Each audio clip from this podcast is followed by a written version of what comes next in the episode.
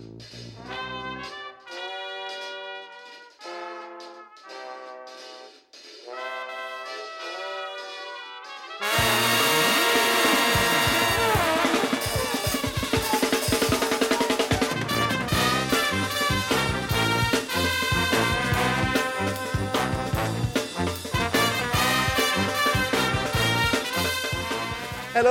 croeso i benod 100 o ysbeidio i heilog gyda fi Llywyd Owen. A fi Lee Jones lle byddwn ni'n rhoi sylw i'r pethau bach sy'n gwneud gwahaniaeth mawr i ni yn ystod y cyfnod hollol honco hwn. Ie, yeah, wir leasers ni yn bodlediad wythnosol. Uh, Wel, ni yn amser ni'n recordio hwn, ond bydd hwnna'n newid maes o law. Um, ni'n dibynnu ar ein, ar ein, ar ein grandawyr hyfryd i ledeinu'r gair ar y Twitter, ysbeidiau hei pod neu ar Instagram, ysbeidiau hei log a chi hefyd yn gallu rhoi bach o arian i ni os ych chi'n teimlo felly ar, ein, ar, ar, ar Kofi a Linktree. Mae'r manylion i gyd fyna, ond byddwch chi probably ddim, ddim eisiau gwneud hynny na o nawr mlaen am spel a gwerth nhw yeah. pamlu. Wel, dyn ni dweud, ta-ta, dyn ni'n ffarwelio. Mae hwnna'n ferf neis yn diwe, ffarwelio. Hoffi dweud hwnna. Um, so ie, yeah, dyn ni yn ffarwelio, uh, rhoi'r ffidil, ffidil yn y to am spel, uh, achos, wel, just, um, bywyd yn rhy brysur i fi. Fi yw'r cadwyn wan. uh, felly, uh, felly ie, yeah, ymddeheiriadau dwys at, uh, at pawb sy'n mynd i gweld eisiau ni. Peidiwch hey, chrio. Na, mae yna llwyth o bodlediad arall gallech chi rando arnyn nhw, yn does. Um, ond ie, yeah, dyn ni'n ni mynd i, dyn ni wedi cyrraedd y carreg filltir yma, a dyma ni mynd off am spel. O wedyn, byddawn ni nôl. Pan, pan mae'r amser yn iawn, byddwn ni llwyd. Heb. Um, ond ie, yeah, felly, ar gyfer y ganfed benod, mae hwnna'n hwn really good. Dwi'n falch o allu ddweud hwnna. Achos mae wedi bod ar y gorwel am spel yn do.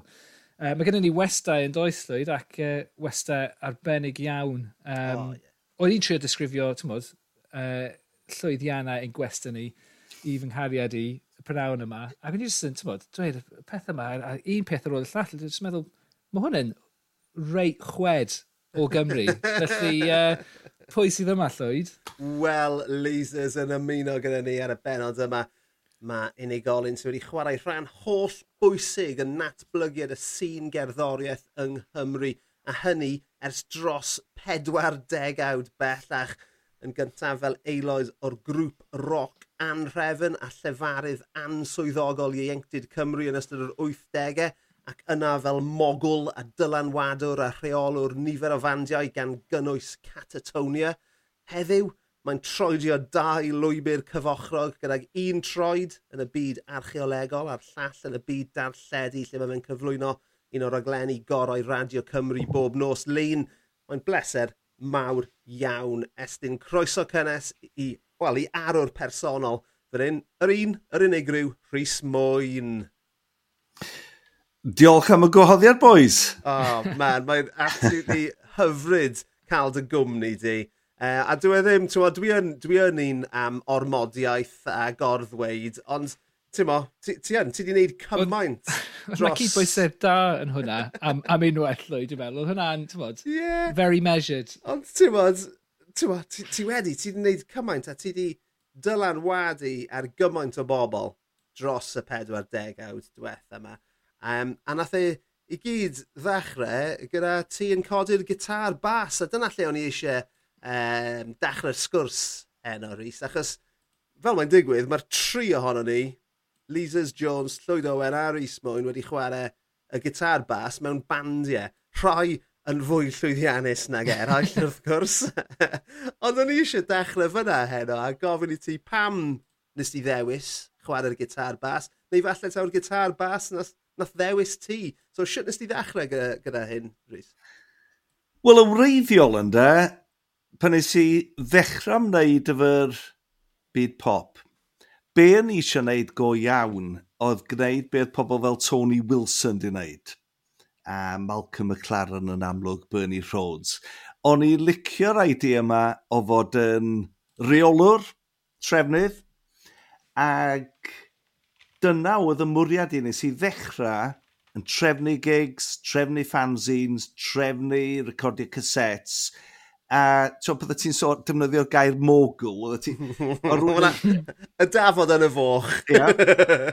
Music mogul, ond o rwy'n yn meddwl, So, a pobl fel Tony Wilson yn gwneud Factory Records yn Manceinion, rhoi Manceinion ar y map, neu Bill Drummond y Fysw Records yn Lerpwl, rhoi Lerpwl ar y map, o'n i'n meddwl, angon, da ni angen hyn yng Nghymru, ac yn enwedig efo'r Gymraeg. Wedyn, y bwriad oedd ymhlith bob dim, byswn ni'n rheoli yr anrefn sef band fy mrawd, Sean Sebon.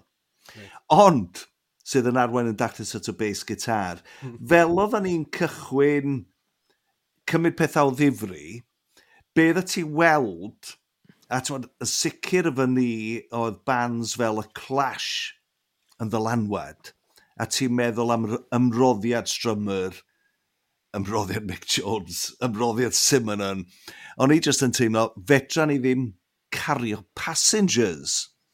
Ac yn y dechrau un, ti'n oedd ti lot o mates i Sean yn y band, rai yn nhw dim dymlaen i wneud pethau fel Elvin Presley, ti'n gwybod. Ond be ni'n deimlo oedd doedd na ddim y commitment oedd ei angen i'r band. Felly, yn anffodus, yr opsiwn oedd mod i'n joinio'r band, a da chi'n gweld lle dwi'n mynd rwan, bass guitar, pedwar string, mae o'n mynd i fod yn haws i ddysgu. yep. Ac, ti'n gwybod, ar y pryd, dechrau'r 80au o'n i'n pigo'r bass i fyny, oedd o ti wedi cael pethau fel bless him, Sid yn y Pistols, oedd obviously mm. ddim yn gallu chwarae, ac oedd y stori yma am Paul Clash yn cael dots ar ei nec i wybod lle mm. chwarae. Wedyn, oedd o'n... Oedd o'n neud sens, really, achos dydw i ddim go iawn. Dwi'm yn gerddor, mae gyda glis da i gerddoriaeth, ond dwi'm yn gerddor, dwi'm yn offer yn nhw, dwi'm yn gallu chwarae gitar mwy na dwi'n gallu canu. Wedyn dyna pam y bes.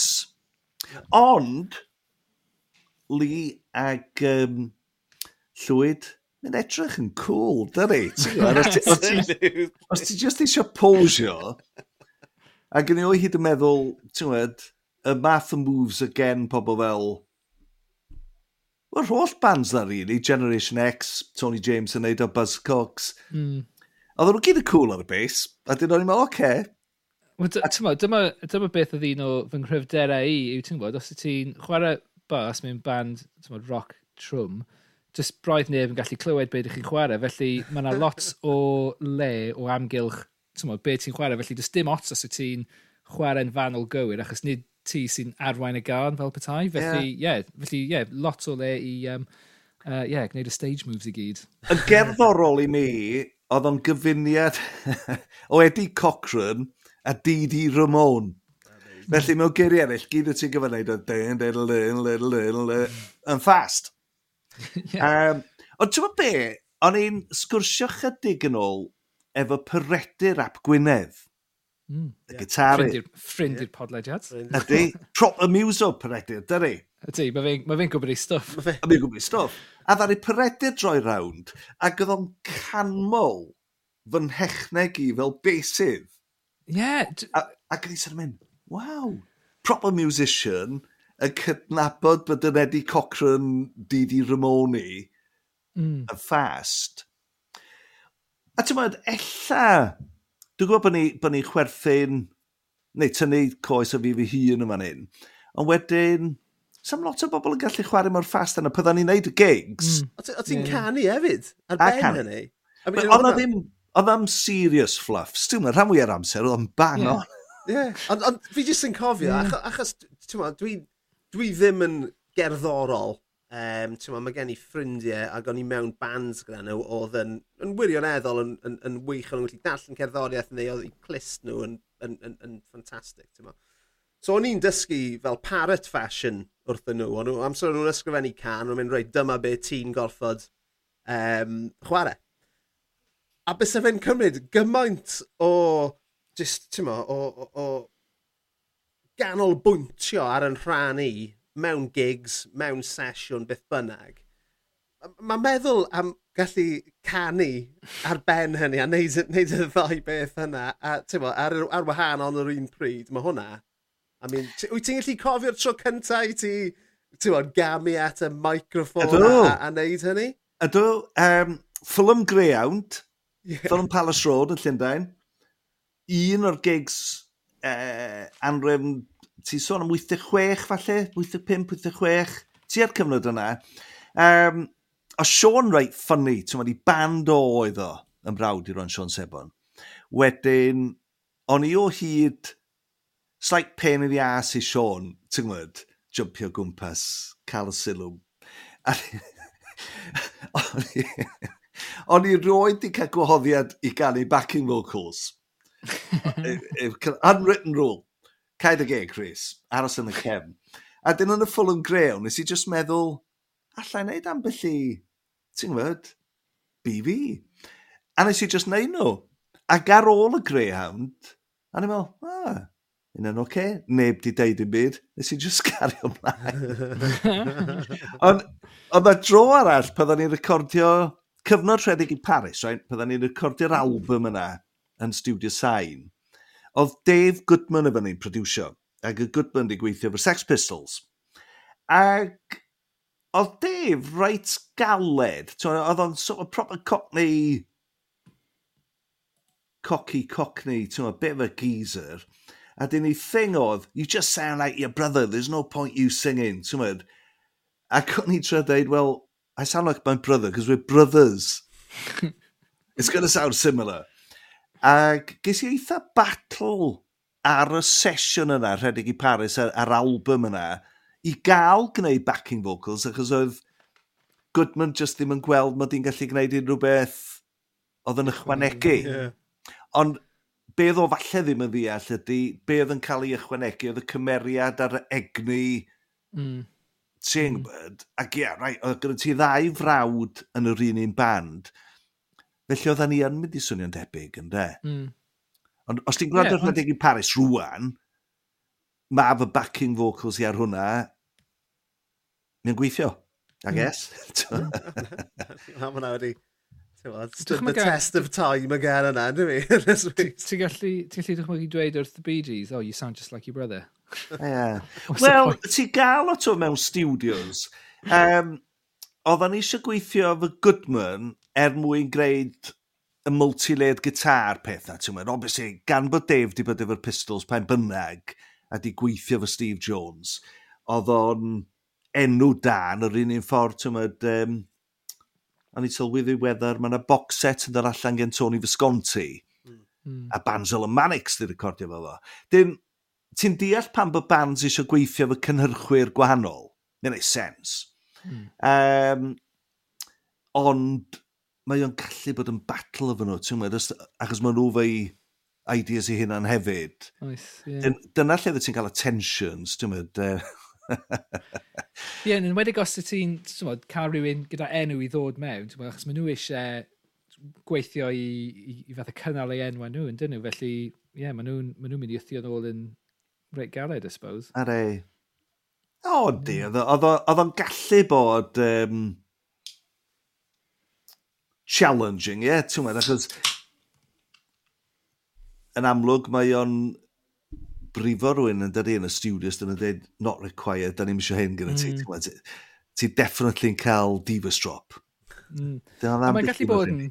Mae'n gallu bod yn really boring hefyd pan ydych chi'n recordio, felly, ti'n modd, os ydych chi'n ffeindio'r egni a meddwl, reit, dyma fi, dwi'n mynd i recordio'r darn yma, a wedyn mae rhywun yn dweud, na, dwi'n ddim eisiau chi, ti'n modd, mae hwnna'n really, ti'n modd, yn, yn feddyliol, mae hynny'n straen yn chi'n diwy. E?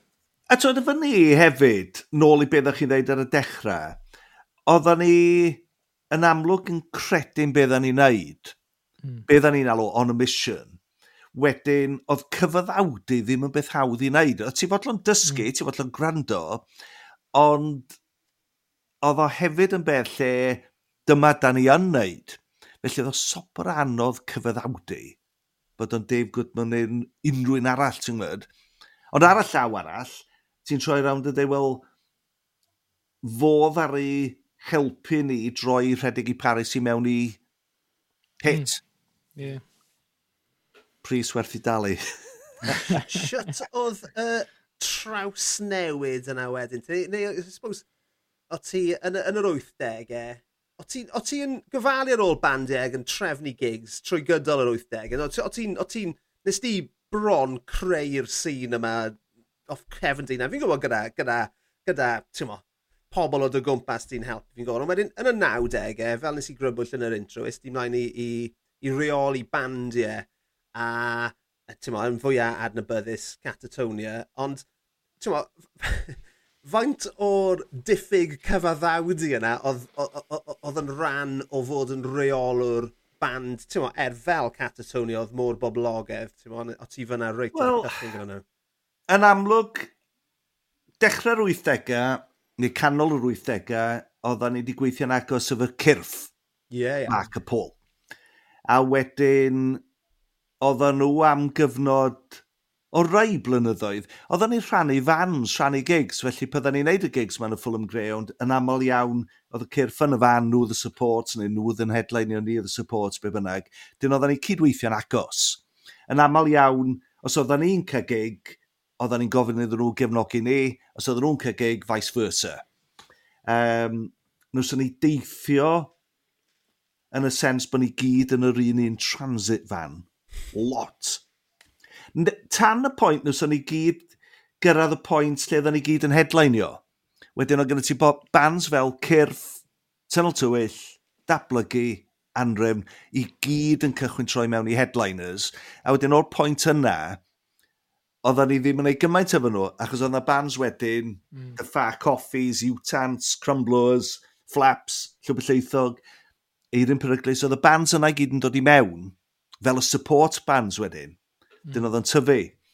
Ond, rhan fwy ar bands dwi wedi enwi rwan, dwi'n meddwl mod i wedi recordio nhw mewn rhyw siap neu yeah. rhyw ffurf, ti'n gwybod?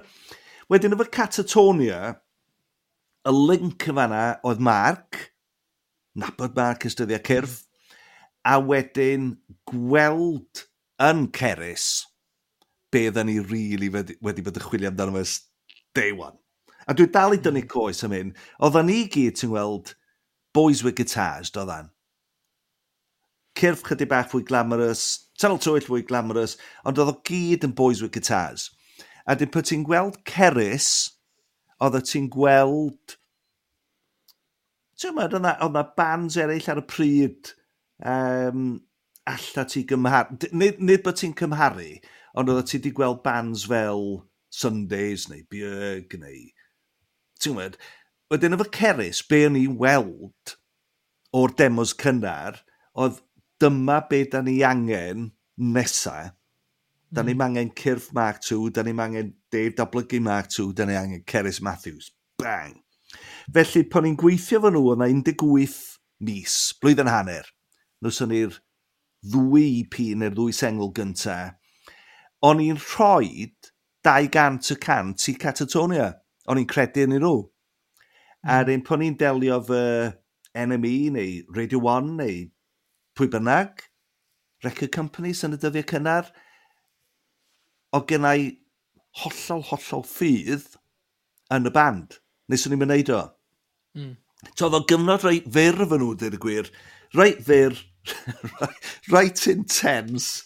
Um, ond oedd y record na nhw sy'n ei for Tinkerbell, oedd o ffynnu oedd ni studio sain os yn o blaen y recordio rhaglen ddiw. Ac yn ei dweud, yn y stafell yma gafodd for Tinkerbell i recordio. A hwnna oedd y record ar ei Mark Radcliffe chwarae bob un nos ar Radio 1 am ti'n pethefnos, solid. a dyna sydd ar ei pethau newid. Wedyn, pwy ti'n edrych yn ôl, o'n i'n gwybod, ti'n gweld, they've got it, mater gael y gan allan o ddo. Nes i gael y gan i Radcliffe, nhw sgwennodd y gan. Dyn ti'n fel oeddech chi'n deud rwan, dim yn halen ti oedd hynny, yn halen ti di gallu adnabod talent yn de. Mm. Pobl eraill ydy'r talent creadigol os lyci di. Ie, yeah, yeah, dwi'n teimlo yr un peth, ti'n bod, trwy fy ngyrfa i yn music. O'n i ddim yn gerddor chwaith, ond beth o'n i'n gwneud yw cyfieithu weledigaeth artistiaid i mewn i rhywbeth mae'r farchnad uh, yn, yn ei ddeall. Bod, achos bod, cerddorion, gadewch iddyn nhw chwarae music, ond mae be maen nhw'n gwneud yn hollol wahanol i be mae be, be mae pobl sy'n gweithio mewn siopau, mm. pobl sy'n gweithio i labeli, maen nhw'n hollol wahanol, maen nhw'n siarad ieithoedd gwahanol, felly ti'n meddwl, mae yna angen rhywun yn y canol i, i, i gyfieithu y does ac i kind of, rhoi uh, fatha peg crwn mewn i'r twll sgwar fel pethau, I suppose. Ti'n be, y ddiweddar nes i, oedd Alan McGee i fyny Gynarfon, Creation Records Alan McGee. ac ges i'n ropio mewn, o ddal y youth i fan i'n neud dipyn o gigs, DJ gigs. A rwsyn neu gilydd ges i'n ropio mewn, lle'n sydyn iawn, o'n i ar y drws yn y gigs ma. Fi oedd y doorman. Ac oedd e just mor bonkers, a fe si enw i weld um, siambra claddu yn Ismôn y pethau lle mewn people carrier. Ac oedd o fel road trip, as nes i ddeud wrth mygi, who's doing the door tonight? Oedd o'n DJ o'n Tidlin Dŵr, who's doing the door? E, e, a, ti'n gwybod, all right, look, I'll do the door. Ond fel o oedd hi'n y dyddiau cynnar gigs na blygu cyrff. So, pwy sy'n neud y drws, na i neud y drws. A nes i wirioneddol hyd yn oed rwan, mwynhau cymryd y cam yn ôl insane ma. Lle sydyn iawn, reit, na i neud y drws. Ond pan ti'n sôn li am yr iaith, o'n i'n gallu siarad efo my gyd, ti'n gweld, oedden ni'n deall yn mm. iawn mm. beth y gêm. Ie, yeah, ie, yeah, ie. Yeah. A youth rhyw fath, oedden ni'n deall y gêm. Ddoth my ar y sioe, ac yn dweud, right, choose your favourite three Welsh records, Motorcycle Emptiness, um, Road Rage, a Man Don't Give a Fuck. Ac mm. i'n meddwl, ar un lefel, dewis ceidwadol iawn Mm. Ond, pure pop. Mm. Ac gwn i'n edrych am y gym, mynd, yeah, get that. Mae'r boi bach yna di cael hit records, da re. Di o'n misio out of time, out of tune, weird bands. Na. Na, na, achos ie, nid hwnna yw i chwaith, yn amlwg. Ie. Yeah. A, ti'n dwi ddim yn fan o, o Oasis, ond mm. ti'n gweld efo fo, mae wedi deall, that's how you sell millions of records. O, oh, ie, yeah, ni'n ie. Um, fe, fe yn eistedd, tymod, rhwng, rhwng y band a'r farchnad, a fe yn cyfieithu be maen nhw'n gwneud i, tymod, i gynulleidfa absolutely anferth. Ond lle mi ddiddorol, ti'n gweld, o'n i'n gallu cymryd y piss o'm y gi, instantly, ac oedd o'n cymryd y piss yna i, instantly. Nes siŵr bod loads o bobl yn, ti'n ofni gwneud hynna gyda rhywun fel fe. Be nath o'n de, pan o'n i gyfarfod, Can I take your picture? Oce, okay, meddwl i. Dyma fo'n tynnu fy llun i'n de. Ac yn i'n wydro, be mae'r boi bach mae'n neud? Deg eiliad wedyn, mae o'n dod yn ôl a mynd, Super Furry, say you're a good guy. Oedd o di gyrru'n llun i i'r Furries. A nes i ddweud, have you just sent my picture to the Super Furries? Yes, mother fo. Oh, and I was smiling. Can we do it again? A nes i fynd fel Send that one! Wedyn, mae ddiddorol efo pobl felly, da ni dallt y gêm dyran, be bynnag mm. ydy'r gêm. A mae'n od ysdi pa, pa mor hawdd ydy bod yn gyffyrddus efo nhw, achos yr iaith ydy o'n de. Mm. Mm. Yeah, Ond yeah. da ni'n mysmal, ie. Yeah. Ond mae angen rhywun fel ti neu Alan McGee ar bob band yn does, uh, mo, achos mo, fi jyst yn cofio mo, amser o'n i'n gigio, os oedd na unrhyw fel broblem gyda falle rhywun ddim yn talu neu rhywbeth fel na, oedd gorfod mynd i ddelio gyda hwnna. Oh my, oh, mae ma, ma hwn yeah. dal yn wir heddiw amser fi'n delio gyda adeiladwyr neu rhywbeth fel na. Fi just, fi just ddim yn gallu siarad gyda pobl mewn awdurdod. Wel, be, mae hwnna'n ei diddorol, achos yr unig artist dwi'n dal i weithio fe ar hyn o bryd yn broffesiynol ydy Viv Albertine, ac oedd Viv yn y Slits, un o'r mm. bands. A rwsyn ei gilydd, mae Viv a fi wedi dod yn ffrindiau, ac oedden ni chwarae chydig yn ôl cefnogi Public, Public Image Limited yn um, Blackpool. Ac oedd hi'n amser talu. Wedyn o'n i'n mynd i nôl y pres ar anfydd i'r swyddfa bach ma. Um, yn Winter Gardens. Ie, yeah, Winter Gardens ydy o'n Blackpool, dwi'n cofio enw'r fenyw. Ta waith. Ie, ie, yeah, Winter Gardens, dwi'n siŵr, ie, ie. Oedden nhw'n dweud, come back in five minutes, ti'n i gad y bres. Ac o'n i, yn dall y game yn syth, o'n i dweud, no, I'm just standing here and you're paying me. There's no five minutes. I'm not coming back in five minutes. I'm standing here now, you're paying me now. A ti'n gofyn ei hynna fan nhw? Ie, yeah, Ie, ond fel fi'n gweud, mae angen rhywun fel Rhys Mowner, yeah. bawb am sy'n mynd dod i. A mae'n odd, achos mae'n bron fel mynd i gymeriad arall, dydy. Ie. Hmm. Ie, ie, ie. Ac, i fod yn onest, boys, dwi mor falch erbyn heddiw, mae nid dyna di fy job i. Achos pan y ti'n yeah. neud trwy'r amser, oedd o fel bod, pan i'n manager bands, oedd o fel, oh, this morning I'm going to be a professional bastard for the next 12 hours. yeah, I just yeah. tried the yep. look my mlaen yn de. Yeah. Ac yn y diwedd it mynd, oh for God's sakes. Come on, ti'n mynd. Um, A dy, efe dyna pryd nes ti benderfynu fod yn alchyregydd? Wel, i radda, nes i yng ngradd yn 80-83 ym Mhrifysgol Caerdydd right mewn archeoleg. A nes i adl y coleg a gweithio fel archeolegydd efo Clwyd Powys Archaeological Trust. A dyna o'n i'n neud pyddai anrym wneud yr interview cyntaf yn NME a'r peel session cyntaf a cynnig mynd dramor. A nes i ddeithio nhw, I'm going to have to do this. We're going to Germany. A ddos i'n mynd ôl i'r byd archeoleg. Tan 2010, A beth di digwydd, o'n i di landio 2007 yn manager gitarydd o'r enw Steve New. Ac o Steve yn y Rich Kids, efo Midgewer, uh, Glenn Sex Pistols a Rusty Egan.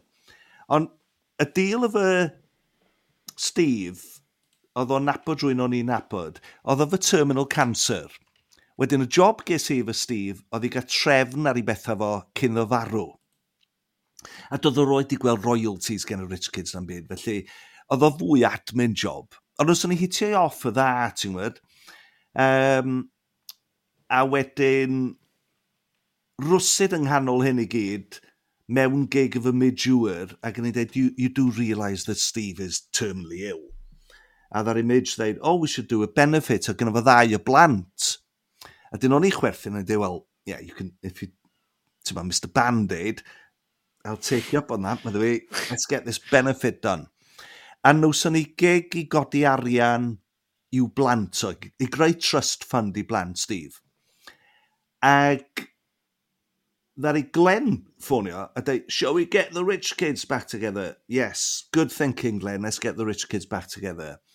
A wedyn, pan wnaethon ni'r gig, yn yr O2 yn Islington, ddari werthu allan mewn tri diwrnod. Nos ni 10,000 profit i blant Steve. Ond y noson yna, obviously achos pwy oedd nhw, oedd Nick Jones on stage, Tony James on stage, Gary Kemp on stage, Ian Brody on stage, all-star cast. Mm. A fi oedd yn trefnu. Wedyn o Mick Jones o fanna yn gofyn i mi beth yn digwydd. Ac ar ddiwedd hynna, dwi'n cofio ni'n aros yn yr hotel, ac yn i'n meddwl, Jesus Christ mwyn, ti'n newydd wneud y gig ma, efo'r holl bobl ma lle ni prynu records nhw, you can have done it, ti'n gwybod? Yeah. Um, a'r pwynt yna nes i feddwl, oedden ni new, newydd fabwysiadu dau o hogia. Um, a gyfiad ar ôl y gig yna, ni'n America fy fe, fe nes i just mynd angon, dwi eisiau bod adre fy'r hogia. Ac yn rhyfedd iawn, dyna the point lle, ath y switch lle si dwi'n dyn ôl i'r byd archeoleg. Um, a dyna nes i, ti'n gwybod, o'n i just yn meddwl, good place to stop, ti'n gwybod? Ie, ie, ie. Ti'n i cyrraedd yeah, rhyw be, be, yeah. fyna be gallu ti, ie, yeah, be, be yn union gallu ti cyflawni ar ôl hynny, bod ti heb wneud yn barod fath o beth, ie. Yeah. yeah. I be, i ac oedd o fel cilch, ti'n gwybod, ac o'n i'n sylweddoli efo Gary Kemp neu um, Fyf neu pwy bynnag, er mae di wedi prynu records nhw, oedd o'n union fel delio fy Mark Cyrff neu Dave Dablygu mm. neu Ian Tunnel Tywyll. Mm. Same, mm. deal. A oedd o teimlo fel lle da ni meddwl, digwydd bod, dwi wedi cadw cyfeillgarwch efo fydd. A pe Steve farw, that was it. Ti'n meddwl, ddari o farw fian iawn ar ôl y benefit gig. Dwi'n meddwl bod wedi cadw hi'n i fynd i wneud y benefit gig. Yeah. A dyn ar y diwedd wedyn, ti'n gwybod, um, oedd o'n teimlo fel... So ti sôn am lyfr, Llwyd, penod wedi sgwennu. Ie, yeah, ie, yeah, ie. Yeah. Ac oedd o'n glir A fel mae pethau'n digwydd o fy mywyd i, nes i just cerdded i mewn i job yn darlithio'r archeoleg yn coleg Harlech. A wedyn mynd i wneud gwaith llawrydd i Gwynedd Archaeological Trust. A reit hapus, reit naturiol, reit hawdd. Ti'n gwybod? Mm. Ydy'r boes uh, e, wedi symud all? Ydyn nhw wedi tyfu erbyn hyn? Faint i oed y boes nes ni fabwysiadu? Um, erbyn rwan, rhyfedd, mae aron y hynna wedi bod mewn fflat yn Gynarfon, yeah. Cweriniaeth Crofiland, efo'i gariad. A maen nhw newydd wahanu, so mi yn ôl adre. Dwi wedi cael kick-out yn swyddau yn y tŷ. mae o angen llofft. A mae Ilan y fenga dal adre ar y funud. Maen nhw'n 11... Be dyn nhw rwan, mae ti? 19 o 20. Wel, wel, ie. Yeah. Yeah. So, yeah.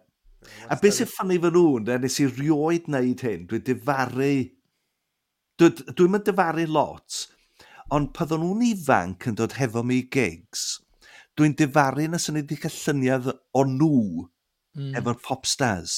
Yeah. Mm. Ie, yeah, mae yna fine line yn does. Ie, yeah, ti ddim eisiau edrych fel fan. Ond efo nhw, da ni wedi bod backstage, oedd o'n y cyfnod pan ni'n edrych ar ôl TNT, y genod TNT fel girl hmm. band, a nhw sy'n supportio Bill Wyman ag Emma Bunton. A dwi just yn meddwl, sy'n ni'n gallu un o'r hoci efo Bill, efo Emma. Yeah. sy'n ni'n bod yn hilarious, ti'n gwybod? Yeah. Um, ond pa ti'n gweithio, ti'n really teimlo, don't be a pain in the ass, da. Yeah.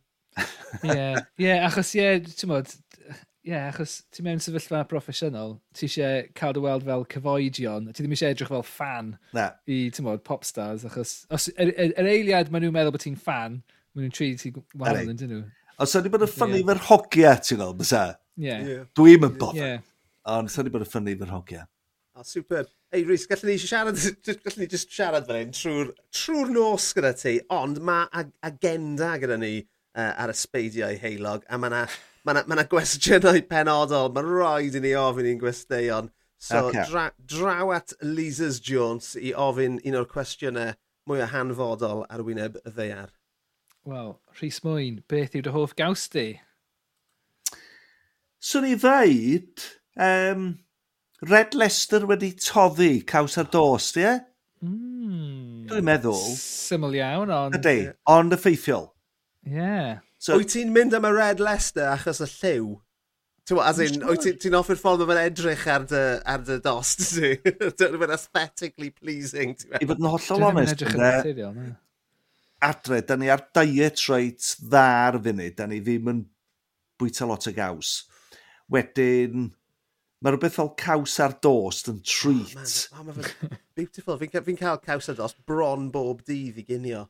Ni'n meddwl swn i ddweud bron pob pryd. Wel, good old days, ti'n gweld, pan ni'n teithio efo'r bands, ac oedd ti'n stopio mewn beth o'n nhw'n alw'n greasy caffs, doedd e? ta hmm. motorway stops, dyn nhw'n rhyw fath rwan, yn yr hen ddyddiau, oedd nhw'n proper truckers stops, doedd e? It says, sausage, it says sausages on there. yeah. Wedyn, oedd ti o hyd yn mynd am caws ar dost, egg beans and chips, y type yna beth, A mae'n rhywbeth amdano fo'n... Mae'n nhw'n dweud comfort food yn dyrun. Just... Mm. Yeah. Wyt ti'n ti cael tabasco ar dy gaws neu Worcester sauce neu rhywbeth fel na? Wel, nac dw. Um, dibynnu beth dwi wedi dyfu o'r ardd. Mm. Na i daflu mm. bits and bobs o'r ardd ar ben neu hefo. Beth, beth, beth wyt ti'n tyfu yn yr ardd? lettuce. Iawn. Ynde? Um, bob math o beir lysiau. Wedyn weithiau mae rhywun just yn oh, yeah. taflu rhyw bits and bobs. Ie, yeah. ie. Yeah. No, brilliant. Ateb, ateb, ateb gwych. Um, nath, nath H. Hawkline, nath e ddewis, nath e ddim dewis caws penodol, nath e jyst gweud caws wedi toddi. Unrhyw gaws wedi toddi, lush. A mae fe'n ma fe hollol iawn. Wel, stori arall i ti de, efo caws, pan ni'n teithio Czechoslovacia, yeah. oedd hi sopor anodd achos oedd yna gig yn bob dim, ac da ni gyd yn lyseiwyr. Mm. Wedyn, yr unig beth oedd ni fwyta'n Czechoslovacia, oedd beth yn cael ei alw'n bambre a'n sir, caws a tatws. Mm. Wedyn oedd ti'n cael bambre, tatws, sir, caws, wedi toddi. Dyn pydda ni'n mynd i caffes yn Czechoslovacia, dda ni'n mynd bambre, sy'r... ac oedden ni'n cael caws di toddi. Oh, wow. Ar, ar datus. Wych. So, ti jyst wedi crybwyll bod ti'n uh, lysieir. Er, er, a mae hwnna'n swnio fel bod ti wedi bod yn lysieir ers yr 80au. Munud is i coleg, yeah. is i'r brifysgol yng Nghaerdydd 1980, is i chapter arts i weld The Animals film, Julie Christine cyflwyno. A dyna wedyn, that's it, nes i stopio bwyta cig. Wow. Ac oedden ni wedi cyfarfod Julie, achos oedd hi'n byw yn, yn Rhefaldwyn. Wedyn dyddiau cynnar anrym, pydden ni'n ei gigs CND a pethau felly, yn aml iawn Julie oedd yn cyflwyno noson, nosweithiau. So oedden ni wedi, feddwl bod hi'n actores byd enwog, oedden ni wedi rhannu llwyfan efo Julie. Nes i weld y ffilm. Ac, ti'n pes i adre ar ôl yr tymor coleg, a daeth, dwi'n mynd bwyta cig, yr obvious response gen yn had oedd, be sy'n bod ar y te? Ti'n gwybod, hilarious ta. Ac ar, ar fferm ges ti dyfagu? Na, ardal wledig, ond yeah, yeah. mewn pentre. Okay. Ond beth sy'n wrong yw ti? Oedd o cyn i'r peth... Oedd dim lot o lysiewyr fyna yn 1980. Hyd heddiw. Oedd yna gyfnod yn doedd lle os oedd ti'n mynd i pubs, y vegetable lasagna oedd yr unig beth ar y hmm. bwydlen. Mm. Mm. Yep. A wedyn, ond a lot o lefydd lle, lle dda ti'n mynd, can I have the sausage, beans and chips without the sausage, beans, please? no. Can you, yeah, well, I'll pay for it, but just don't give me the sausage. No. yeah, mae pethau, ma pethau wedi newid braidd erbyn hyn, ond ie, yeah, gallai ddim dychmygu siwr oedd hi yn yr 80au arna ti. Yeah. then, A, a hefyd, o, o o bod pa mor wael yw fel diet bandiau sydd ar daith. A dim o, sa'n lli dychmygu siw oedd chi lo yn hefyn y fan yna. Ffrainc y Sbaen ynddo, pan ti'n cael pizzas, mm. ac oedd ti'n mynd, be bynnag oedd o, sin carne neu rhywbeth, no meat. A dyn oedd yr ham yna fo. Ac oedd ti'n dweud, that's meat, no that's not meat, that's just ham. Iddyn nhw yn Sbaen, cig oedd hanner buwch de ar ben y pizza. Ie, yeah. ie. Yeah, Wedyn, yn y diwedd, oedd e ti mor llwglyd, oedd e ti just yn codi'r cig off mm. a hmm. bwyta'r dam pizza, ti'n gwybod? Ond o lot o bethau felly. Ie, yeah. na, mae'n an... E, uh... mae Frank yn lle drwg enwog am dangos dim parch o gwbl i lysieiwyr. Um, Dwi'n dwi, uh, pescatarian yn hunan, ond o'n i'n lysieio'r full-blown am rhyw ddeuddeg mlynedd. A yn yr amser yna, es i Ffranc nifer o weithiau. A oedd yr agwedd, um, oedd e fel bod e'n dod o'r top yn y bwytau. Achos oedd pawb just mor ddirmygus o'n. Yeah. a na gyd, fel ti'n gweud, na gyd o ti'n gofyn am oedd, na i gael popeth, just dim y cig. Yeah. Tewa, no offence, mm. ond o'n nhw full offence. Beth da um, llwyddo li falle ydy, achos bod ni mewn sîn y sort of peth yn punk na lot yr amser hmm. dramor. Mm. Dyn yeah. Na ti efo the Chumbawambas ar yna gyd. O pawb yn tueddu fod yn lyseiwyr. Mm. Hmm. Wedyn yn aml iawn, llefyddol Holland, yr Albain, lle ti chwarae mewn squats, oedden nhw'n goginio bwyd yna'n llysiol. Mm. Ac yn aml iawn, oedd rai o'r venues oedd hi'n meat-free zone full stop. Wedyn, i ryw radda, ddoth o'n haws yn y byd oedden ni'n gweithio yn efo. A ti'n meddwl yeah. am Morrissey, fy Meat Means Murder, a pethau felly. Os oedden ni rhan o'r sîn yna, oedd o ddim yn bad. Yeah. Ie, yeah, mm. diddorol iawn. A mae hwn yn arwen ni yn neis mewn i'r cwestiwn nesaf. Ti jyst fi crybwyll bod ti'n bod ti wedi teithio lot uh, nôl yn yr 80au a'r 90au, ond 80au fel cerddor ac yn y 90au fel rheolwr. So, um, beth yw'r peth mwyaf weird ti beth wedi bwyta, Rhys?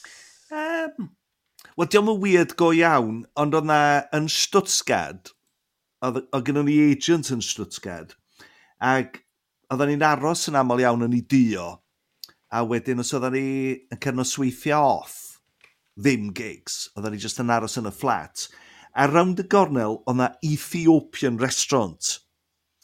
A beth oedd ti'n gael yn yr Ethiopian restaurant, oedd y bara ma oedd fel crempog anferth, efo llysiam i beno, ac un plat yn ganol y bwrdd.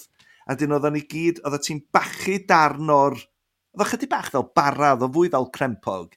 Oedd o ti'n bachu darn hefo dy law, sgwpio'r llysiau, bwyta fo. A dyn oedd o fel sa pawb yn slo bach yn gweithio ffordd i mewn i'r canol. Ac oedd o'n brofiad difyr. Um, mae hwnna... Ma hwnna Dom weird, ond... Nagi, ond on, on, on mae fe mor estron o gymharu ar ffordd i ni'n bwyta, reit, yn y gorllewin. Ni'n Mae pawb yn mm. cael ei plat, mae pawb yn cael ei dogan o hyn a'r llall, a mae pawb yn... a ni'n gyndyn i rannu, a os ti beth wedi bod i, i allan am, am, am Chinese neu Indian gyda fy mrawd yng nghyfraith, byddwch chi'n gwybod hynny, ond uh, tyma, ni, ni, mae'r ma ffordd i ni, mae fe'n regimented iawn, ynddo fe? Ond wedyn, so, tyma... Mae o'n dangos wavelength yr anrym ni ti. Os oedd na days off, A ti'n gwybod beth pawb yn mynd i ddweud? Ethiopian restaurants, let's yeah. go!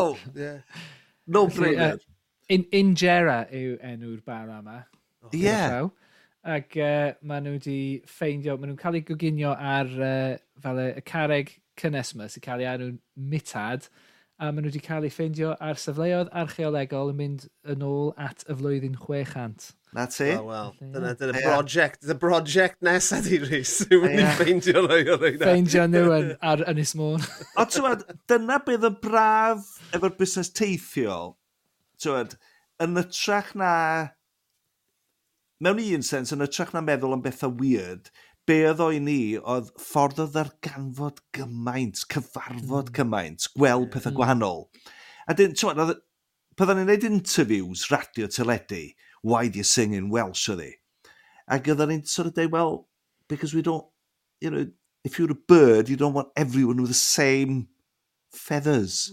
If it's a hmm. restaurant, you don't all want to be McDonald's. So it's the, it's the variety of life and there. Wedyn mewn ffordd, oedd yr holl beth yn ymwneud â dathlu y holl amrywiaeth yma. A mae bwyd yn rhan o'n fo, dydy, os ti'n teithio, mm. ti eisiau profi pethau gwahanol. Yeah. Mae'n ddiwylliant yn dweud. Right. Yeah, yeah, yeah, yeah. Mae'n rhan o'r un peth yn dweud. Wedyn, ie. Yeah. Dyn, mae o just... Oedd o dod... Er, er, Fydra i'n deud pa mor... Ti'n meddwl, pydda ni'n eistedd yn y fans na'n croesi borders, a ti just... Oedd o'n briliant. Lle hmm. da ni fori?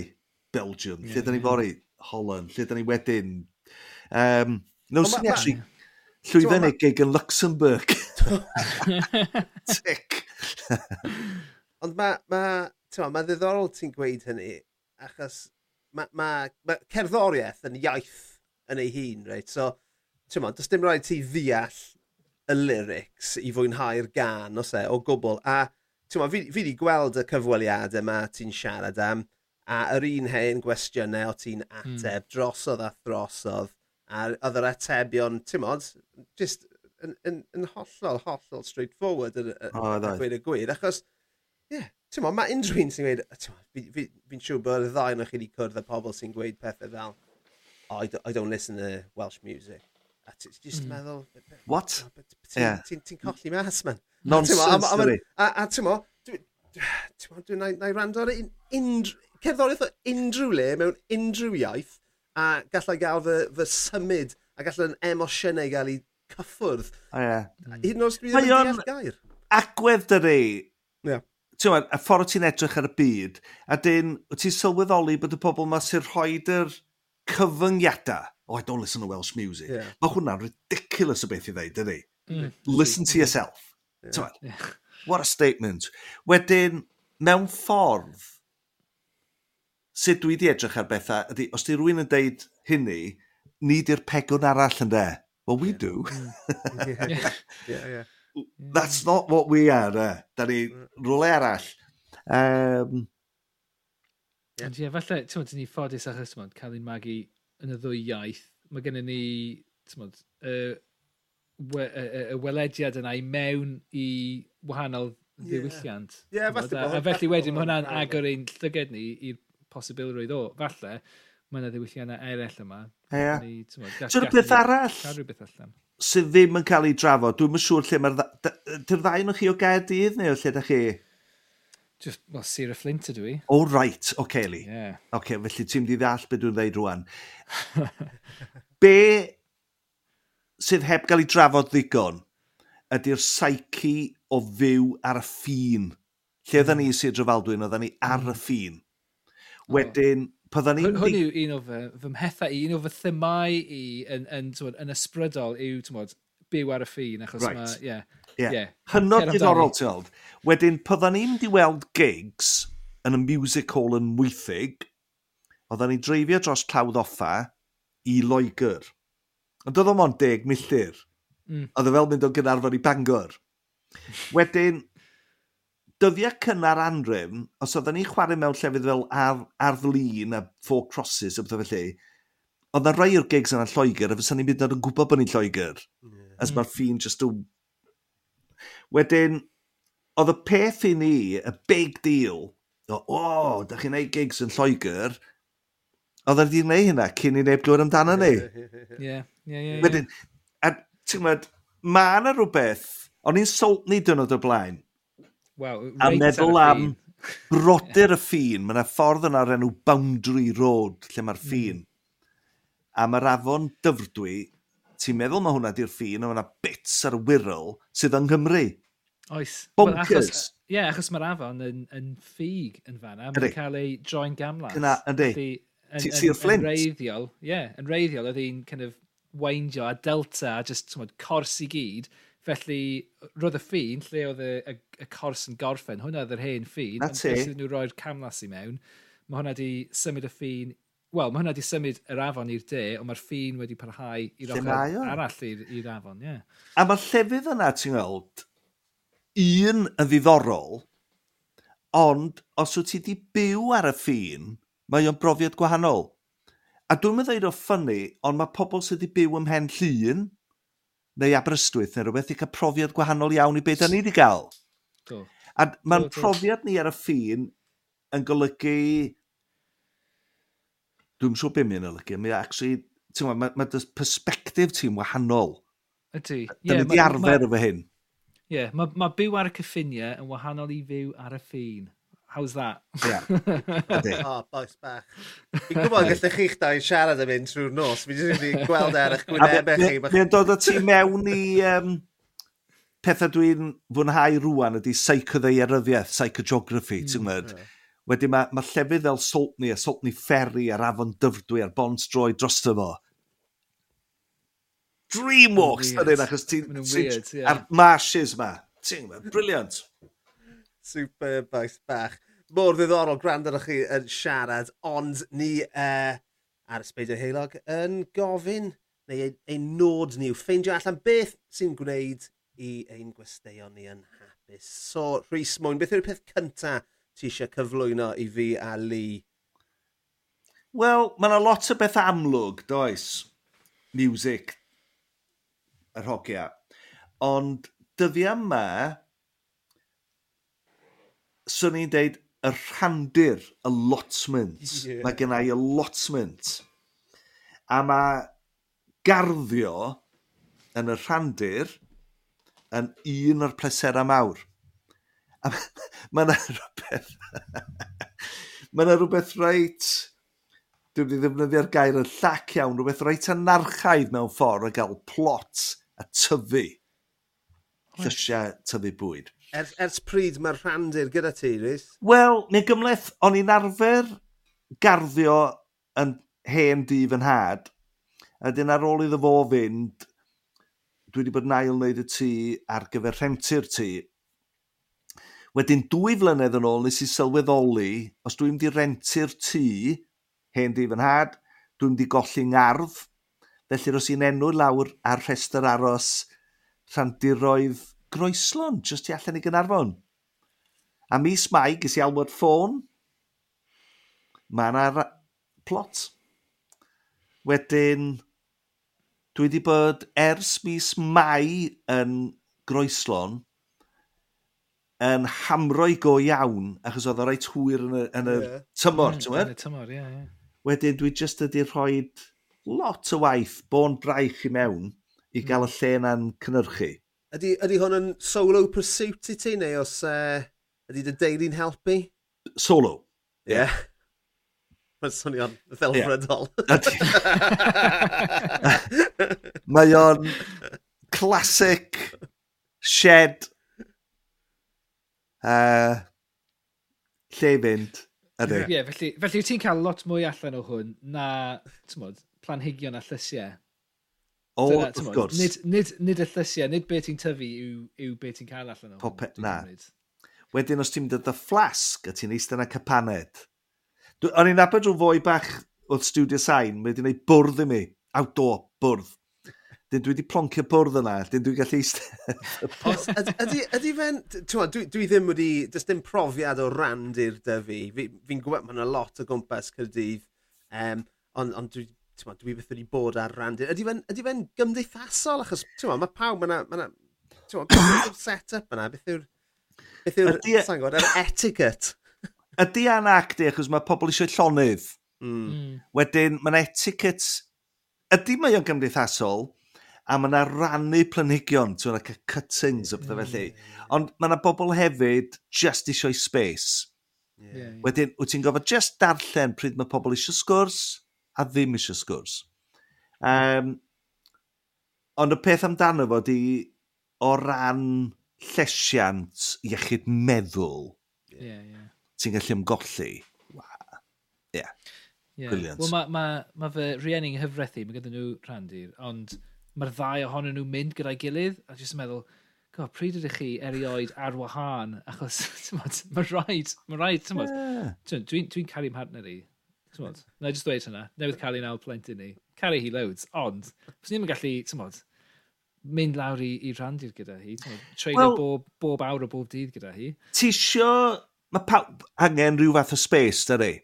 Oes, ie. Yeah. O'n i sôn efo rhywun o ddiweddar, dwi'n cofio, um, mae nes da fi na efo'n gilydd ers y dechrau un. Felly, byddwn ni'n neud yn single cyntaf ni fan rhaid o'n i hefo nes. Neu ti ar, ti ar adeg yna nes yn ei cyfarfod. A mae'r rhan fwyaf cyfoedion ni wedi gwahanu neu rhywbeth, ti'n gwybod? A dda ni'n sôn reit aml be di'r gyfrinach. A dwi o hyd yn dod yn ôl i un peth, da ni rioed wedi deud wrth yn gilydd be i wneud.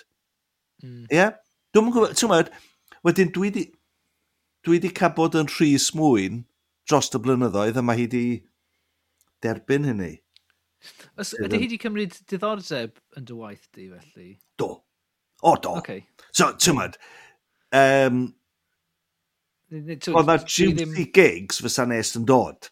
Mm. So, er enghraifft, dwan, un o'i pethau mawr hi, sa ti'n sgwrsio fy hi rwan, mod i wedi gadael un y dressing room of y Mick Jones a Tony James Benny hun. Mae dal i sôn am hynny.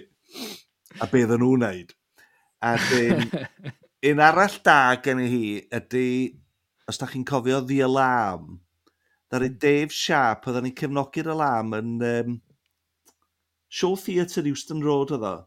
A ddaru Dave Sharp ddod i mewn i'r dressing room a benthyg make-up bag nes oedd o siarad eyeliner ymlaen a chafodd i rioed yr eyeliner yn ôl. So, sa chi'n gofyn iddi hi rwan, dweud yr alarm, so ti dal i gael yr un peth. Bloody Dave Sharp, dwi dal i gael fy eyeliner. Ers 1988, dyna rhywbeth ridiculous.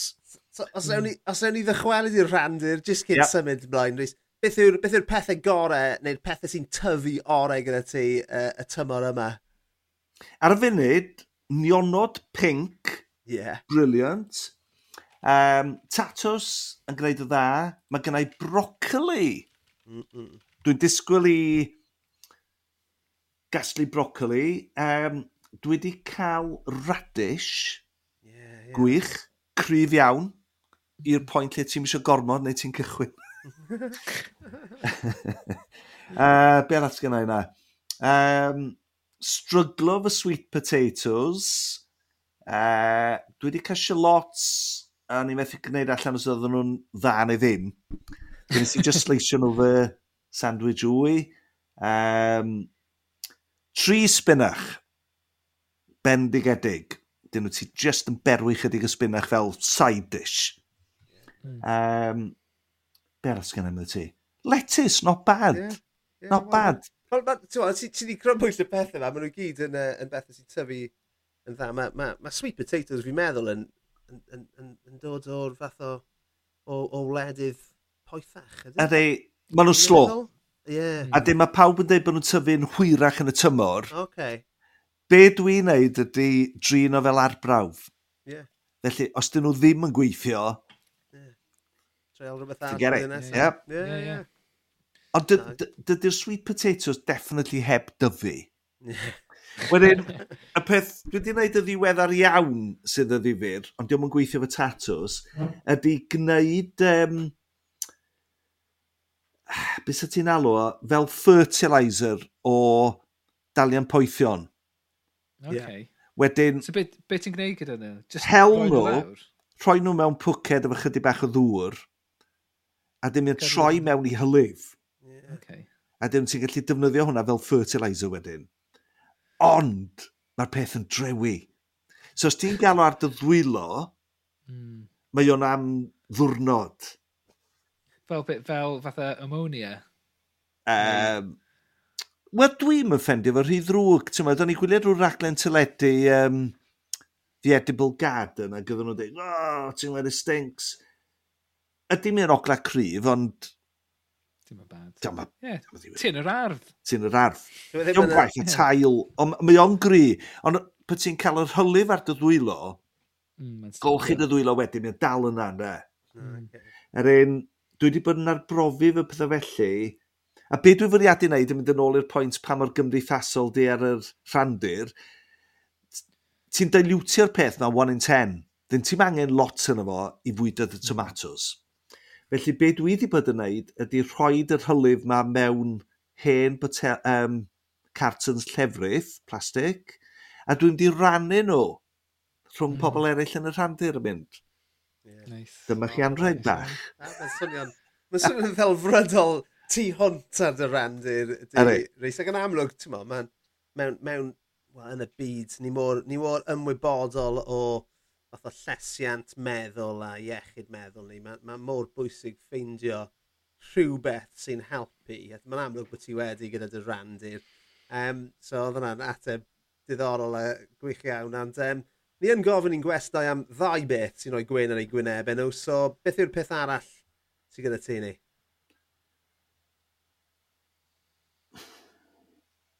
Mwy na thebyg cerdded, mynd am dro. Ac efo hynna, dwi'n meddwl ddynnu mynyddoedd. Yeah. Hwna di'r un... Um... I fod yn onest dyddi yma, achos mod i'n arwain gymaint o deithiau cerdded hanesyddol archeolegol, mae rhan fwy o'r cerdded dwi'n neud rwan i baratoi ar gyfer gwaith. Mm. So hmm. ti'n gofyn pryd ys i fyny'r wyddfa, wydd, wyddfa ddwetha, dwi'n yn cofio. Achos o'n i'n oh. arfer greu hynna bob weekend am y pleser. Nid jyst ti... wyddfand. Um, felly, ie, yeah, nid, felly, nid, nid llefydd, tymod, fel yr wyddfa neu, ti'n modd, y carneddau, ond dinas dyn lle, llefydd fel na. Wel, y newis i, ie, yeah, o ran gwaith, ond swn i'n mynd i gerdded am y pleser, swn i'n mynd ochra dyffryn anllen neu rhywbeth, fyswn i ddim yn mynd i Bethesda neu Llanberis, ti'n meddwl, mae'n rhy brysur, yeah, yeah, yeah, ti'n gweld yeah. gormod o bobl. Ond munud ti'n mynd o ddar y prif lwybra, geid i lonydd. Mm. Wedyn, ti'n gwed, dwi'n mynd i ddeud rhywle fel cwmetno sydd rhwng Dolwydd Elan a Bedd Gelert, un o'r llynoedd ucha, pell, pa ti'n eistedd wrth lyn a neb o gwmpas yn cael y sandwiches, mae'n anodd eitha da. Ie, ie. Mm. Fi'n meddwl, fi'n meddwl taw dyna'r er, er, er hyd y peth yw ffeindio yr un, unigedd yna, ynddo fe? Achos ie. Rhyw, rhyw fus yn ôl es i uh, i'r gogledd gyda cwpl o ffrindiau i, i gerdded am ben wythnos. A'r diwrnod cyntaf eithon ni am Gader Idris. So oedd y tri o'n ni heb, heb fod lan Gader Idris. A oedd e'n rhyfeddol faint o bobl oedd ar, ar, yeah. ar, y mynydd. A doedd hi ddim yn ddwrnod braf, ond oedd ti'n oedd na gyw mewn llefydd, oedd na gyw. Um, a wedyn, y, y diwrnod canlynol, eithon ni i wneud darn o um, nantle, um, beth o, crib nantle. Crib nantle. Ochrau'r yeah. garn, ie, yeah, mynydd yeah. garn, a wedyn draw yeah. am... am um, Helen Migred. Ie, yeah, ti'n hollol iawn. A yeah. wedyn lawr i fforest coedwig bydd gelert a nôl ffordd na. Hyfryd. A wel, yeah. o'n i bron neb. Yeah. Wel, o'n i bron, bron neb mewn, ti'n modd, pimp, pimp awr a hanner o mm. wac. Wel, o'n i falle, ti'n modd, wel, o'n i gwbl o bobl ar y dachrau yn y maes parcio yn rhyd ddi a ar y, ar y grib. Neb. neb. Just, dwi, dwi, dwi fwy tebygol i wneud crib nanlle unau o rhyddi neu o llefydd fel nebo cerdded i fyny. Yeah. Ac, ie, yeah, ti'n gweld neb. Oedd e'n arbennig, a ti'n bo, o'n i'n... Um, o'n i'n anghyfarwydd, mae gen i ffrind sy'n byw ochrau e, Tregarth a mae fe'n fynyddwr profiadol. So mae fe jyst yn mynd â cwbl o city slickers gyda fe, Tim, ond ran, ran y mynyddoedd yma. Ac oedd e'n, e, uh, yeah, oedd, oedd, crib nantle mewn, mewn llefydd yn, uh, yeah. Ni, ti'n gofod defnyddio dy ddwylon, dwi'n? Mae o'n gyfuniad o gerdded, sgramblo, codi dy hun yn fyny Um, Na, oedd e'n fydd gofiadw i fod yn onest, a ma, fel ni'n gweud, mae'r ac oedd y ffaith bod neb arall ar gyfer y lle yn, yeah. yn, yn ychwanegu at hynny. Mae o'n od ti'n gweld, achos mae Cader Idris rwan, mae'r wyfa di mynd yn rhy brysur. Ac mm. eto ti'n gweld, dibynnu, os ei di fyny'r wyfa rhy ddi, wel i di fawr yn eb. Yeah. Os ti'n mynd y Watkin path o Bef Gellert, choc y bloc. Yeah. Llanberis ridiculous. Mm. Ynde? Yeah. Um, Ond ie, yeah, unwaith ydych chi'n cyrraedd y copa, mae fe'n mental yn diwedd. ie ar gyfer y trig point. Ie. Mae'n warthus. Mental. O'n i, ti'n gweud bod ti'n arwen uh, teithiau um, hanesyddol yn nhw, teithiau archeolegol, beth, beth ti'n neud diwylliau yeah. ar hyd nos. Ti'n neud, ti neud roi rownd Cyrnarfon er enghraifft, ond ti hefyd yn rhoi nhw rownd um, fath o llefydd hynafol iawn hefyd. A dan, a ti'n meddwl dros y dolyg, nes i drefnu, ti'n meddwl am rhywbeth i wneud, a cynnig teithiau bobl yn y cyfnod na dolyg flwyddyn newydd. A nwson ni daith be ni'n alw'n cyrion Cynarfon, ond dilyn y ddwy afon, yr afon Saint a'r afon Cadnant, wedyn oedd yr holl dro ar gyrion y dre a mae yna hen waith brics, mae yna hen signal station rhyfeidig, mae yna sawl pont. Wedyn, oedd o'n cyffwrdd ar y busnes seicoddeiryddiaeth yma, a beth y ti'n gael efo pobl oedd, o, oh, god, da ni roed i bod i fan hyn o blaen, da ni roed i gweld hyn o blaen. Wedyn, mae rhywbeth felly yn gweithio dda, ti'n meddwl, ti'n dangos pethau diddorol, ond maen nhw hefyd yn mynd i lefydd dyn nhw heb fod. Haf diwetha, Nawson ni daith o olion rhyfeinig ochr traws fynydd. Ac o hwnna'n oh. 5 awr o haic. Hardcore. Brilliant, dwi eisiau gwneud hwnna eto. Ti'n mynd... Um, Dau ddod? Ie. A croeso. Swnio'n amazing. Um, dau o bobl efo rhywbeth felly, achos mae'n bell. Ti'n mynd, yeah. croesi'r mynyddoedd. Um, ond mae teithio felly... Ie, yeah, so ni'n dweud hardcore, ond... And ti'n gweld pethau... Neu mae pobl yn gweld pethau nhw'n rhywbeth weld fel arall yn de. Yeah. Felly mae'r ma, A47 dim yn fan, mae hwnna'n ffordd rhyfeinig. Dwi'n tybio, uh, mae'n eitha syth yn diwy.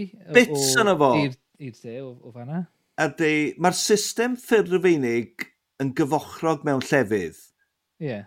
Os wyt ti'n meddwl... Yeah, felly am... Am... bydden nhw wedi adeiladu y ffordd gyfoes mod, i, wrth, wrth y parth lle maen nhw wedi bod y blaen. Bysan!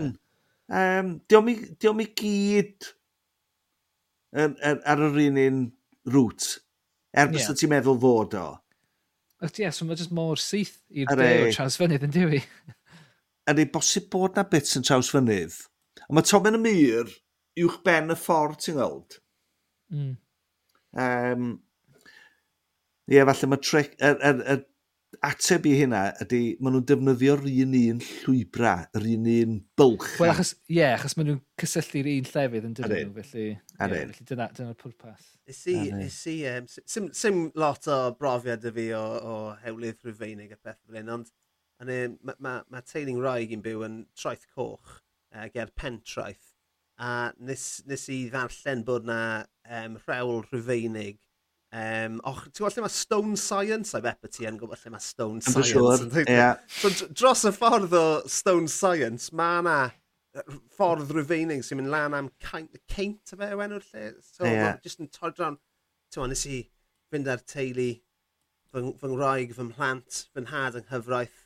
Neb yn impressed. Neb yn impressed. a mae ma hwnna'n myth, Llwyd. Mae hwnna'n myth. Ydy fe go iawn. Ydy, o ran ffordd i fi ni, gallu bod yna hen lwybra yna, de. Oh. Um, Wel, falle nhw'n gwybod rhywbeth o'n i ddim, de. yeah. Wel, ti'n bod, o gwmpas, achos ti'n bod, dwi wedi byw ger Newcastle am flwyddyn nawr. Uh, tro cyntaf i fi fynd i weld Adrian's Wall, oh my god, mae hwnna yn amazing. Achos so, mae jyst yn rhywbeth sydd jyst yn ynnych is ymwybod chi, Adrian's Wall, achos mae'n cael ei sôn amdano fe trwy'r amser. Ond, ti'n bod, dyma ni'n gyrru allan i Northumbria a just gweld fatha, ti'n tymod, ceia'r ffermwyr gyda fatha, ti'n tymod, y, y mwyntiau yma, lle, ti'n tymod, maen nhw wedi claddu, wel, maen nhw wedi, maen nhw wedi um, just kind of codi'r miriau yma tu ôl i'r wal ei hunan. A mae'n just fel, o, mae'n ma anhygoel, well, absolutely so, anhygoel. So, y ffaith bod nhw wedi bod yna mor hir. Ie, yeah, na, mae ma hwnna'n rhywbeth dwi really eisiau gweld, ond o ti'n siarad am uh, gael dy fagu yn Llanfair Cereinion Rhys. Dwi, dwi, dwi, dwi, maddeuau fy anwybodaeth. Ydy, claw, os na, um, mo, os na ddarnau o clawdd offa dal ar, ar, ar ddangos ffordd na? Ddim yn bell, os ti'n mynd i llan y mynech. Right, okay. mae yna, a wedyn i lawr am Trefaldwyn. Yeah. mae yna, a Chybri, yr ardal yna. Oes, mae yna ddarnau da. Ie, yeah. ie. Yeah, yeah, oes. Rhywbeth oes. arall bys ni'n hoffi mynd i, mynd i, mynd i gerdded ar ei draws ag ar ei benne. Ond, ie, um, yeah, hei, Rhys, mae wedi bod yn bleser llwyr siarad gyda ti. Cyn, cyn bod ni'n uh, yn, yn ffarwelio, um, os gyda ti'n rwyth i blygio, I mean, ti'n modd, ti'n gallu plygo dy raglen wych ar nos lun ar, ar, ar, ar Radio Cymru wrth gwrs? Ie, yeah, ti'n gwybod be, dwi'n gwrando lot ar um, Spoonie ar Radio 2, ac ddau'n gofod mynd i nôl. Mae Aron y map hynna, mae'n gweithio fel chef yn Llanberis, a dyn ddau'n mynd i nôl o'n hwyr y nos. A dyn yn soundtrack i pwy dwi'n mynd o gynarfon i Llanberis ydy Trevor Nelson, y Spoonie. Bit of dance music. A mae Spoonie ffynnu, ti'n meddwl, achos dyn ni'n faint o filion a bobl sy'n gwrando yn o'r Radio 2. A mi o hyd yn neud, tell your friends. Tell your friends about the show. Ac mae'n anodd gwybod yng Nghymru, um, gyda ni gynulleidfa dda o slun, ond mae'n o hyd y cwestiwn mae sut ti'n cyrraedd mwy o bobl. Mm. A mae hmm. rhywun o hyd efo diddordeb yn hynny, fedra ni gyrraedd fwy o bobl. Um, a weithiau, diolch yn digwydd yn aml, ond weithiau ti'n cael neges gen bobl newid tiwnio mewn am y tro cyntaf. Yeah. Mm. A maen nhw'n cael surprise am wahanol rhesymau, ti'n gwybod?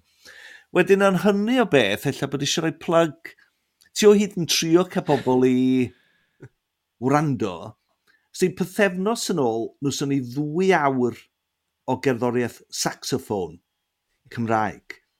Ac oedden nhw gyd y geisiadau gen y gwrandawyr. Ac ar ddiwedd y sioe yna, Irfon sy'n cynhyrchu rwan o fi'n amyn, God, gwson ni stwff o fanna rai yn nhw sy'n ni'n chwarae fel arfer, rai yn nhw classics, rai yn nhw di anghofio amdanyn nhw. Wedyn, efo rhywbeth felly, ti yn teimlo bod na ti'n greu beth mae'r BBC fod i wneud a ddysgu pobl ag entertainio mm. nhw, ag gwneud nhw feddwl, a gwneud nhw gofio. Mm. Um, obviously, ti'n mynd i hynna bob wythnos. Um, mae hwnna angen i... hwnna angen i plygio. Be arall sy'n yna? Ti ar, ar Twitter, the re, at the re, real Rhys Mwyn, wrth gwrs dim Twitter yw e mwyach, X, X. yw e nawr, ond sy'n neb yn defnyddio hwnna eto, sa'n meddwl. um, yeah, ti di, ti di cyhoeddi nifer o lyfrau, trwy'r lolfa, trwy canau gwalch. Efe, no. efe pathiad nath wneud Real Gwynedd? Real Gwynedd trwy Seren. Seren, sori, ie, yeah, mm. Seren. Mae ma hwnnw, ti'n gwybod, yn ddiddorol yn yr ystyr seicoddeiryddiaeth edrych ar Wynedd trwy lyged gwahanol. Yeah. Ynde? Diolch yn fwriadol, fwriadol gwahanol, y mae o wahanol. Dwi'n reit hapus efo real Gwynedd, ti'n meddwl, so ni ddim wedi gallu gwneud hwnna'n well jyst yn wahanol. Yeah. A I mean, mae yna gyfres o lyfrau archeoleg sy'n mynd gogledd dwyrain, de, ddwyrain ac yn y blaen. Dwi yn y broses o orffen rwan llyfr am archeoleg De Ddwyrain Cymru. A bore yma, o'n i sgwennu am Dr William Price Lantrisant.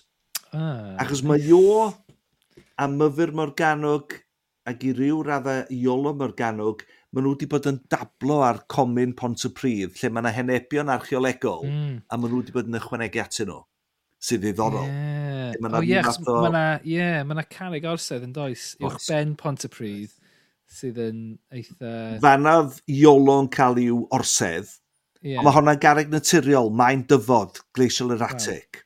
Wow. wow. Wedyn mae myfyr Morganwg wedi ychwanegu cylchoedd cerig rownd hwnnw.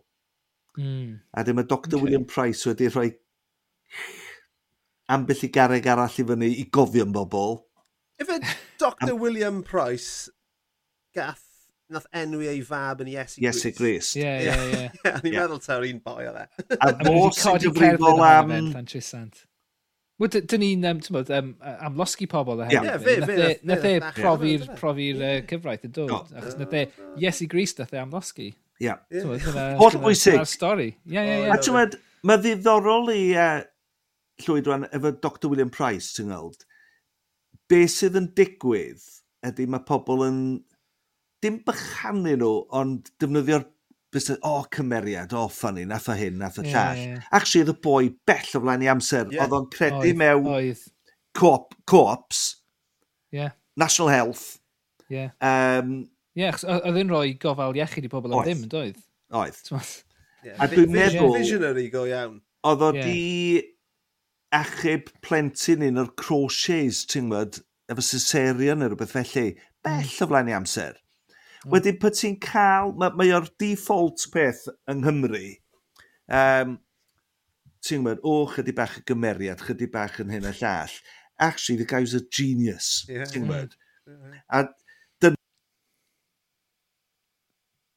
Rhaid ni stopio'r peth ma o galw pobl yn gymeriadau yeah. ac adnabod nhw am y yeah. visionaries. Ie, yeah. yeah. yeah, mae hwnna'n rhywbeth... Ie, yeah, achos, ie, yeah, dwi'n meddwl falle y, y, y Cymru traddodiadol yna, ceidwadol, does dim yn, yn lle cydnabod gwaith rhywun sydd ddim yn ffitio mewn i'r narratif neu'r paradigm sydd gennym ni o just cymeriad ydyn nhw a yeah. dweud mae rhywun, bod, rhyw, rhyw, rhywbeth alltud neu estron i beth ydyn ni. Ond na, ti'n mae fe yn rhywun gallu ni ymfylchu ond o fe. Ti'n iawn, li, Rhy hawdd, dyri. Ac dwi wedi bod yn neud o ddiweddar, ti'n gweld, pan mae pobl yn cyfeirio ata fel rebel. A dwi jyst mynd, na, dydw i. Achos mae hwnna rhyw fath a deud cymeriad neu rhy hawdd. Be mae'n feddwl yeah, ydy, yeah, yeah. o, rebel, da ni'n mynd Gwahanol. Ie, yeah, efo yeah. bob dim ti ddeud. Mae dynion yn ddeud yn aml iawn, da ni'n mynd cytuno efo popeth ti ddeud. A ti'n mynd, pwy sydd rioed i gofyn i unrhyw un gytuno efo popeth ti ddeud? yeah. Ond ar y llaw arall yn be dwi weld y ddiddorol yng Nghymru, pa dwi'n gwneud o weithio fy merched y wawr, sgyrsio fy merched y wawr, be mae'r merched bob amser y ddeud ydy, cario ymlaen. Dal i ddeud y ddeud. Dyn nhw hmm. beth, beth yn dweud, o, da ni'n mynd cytuno fo bob dim. Ond pwy ti'n hmm. gwneud cymdeithasau efo dynion, garantid mae rhywun yn mynd i popio fyny. Wel, da ni'n mynd yeah. cytuno fo bob dim ti'n dweud. A mae'r ma busnes o fod y rebel cymeriad rhy hawdd. Mae y ffordd o hmm. just roi ti mewn, ti'n gwybod? Ie, yeah, Mae'n ma esgus i beidio am afael a y sylwedd mae rhywun yn, yn dod at y sgwrs. Hollol. Hollol. Hmm. Bang on! Ie. Yeah. yeah. Sydd ddiddorol hmm. iawn, ti'n gwybod, ydy'n... Uh... Mae yna yeah. ma gyfrifoldeb yn rwlen, does, bod yn archeoleg neu canu pop, lle ti jyst yn trio cael pobl i feddwl. Ti'n dod yn ôl i'r... Mm. Yeah. Dam yn gofod bod yn weird, na di, nhw'n i just profi'r pethau yma. Ti'n gwybod? ei, boes bach am sgwrs. Um, mm. Rhys Mwyn, mae wedi bod yn bleser llwyr cael dy gwmni di. A ti'n mo, falle gei di ddod nôl. Gall di ddod yeah, nôl. Am sy'n ni dod nôl, falle, falle ni ddechrau gyda ti eto, achos fi'n gwybod bod yna fwy gyda, mwy. gyda ni siarad am. Ond am nawr, am benod cant o ysbeidiau heilog, diolch fil i ti, Rhys. Diolch. Croeso.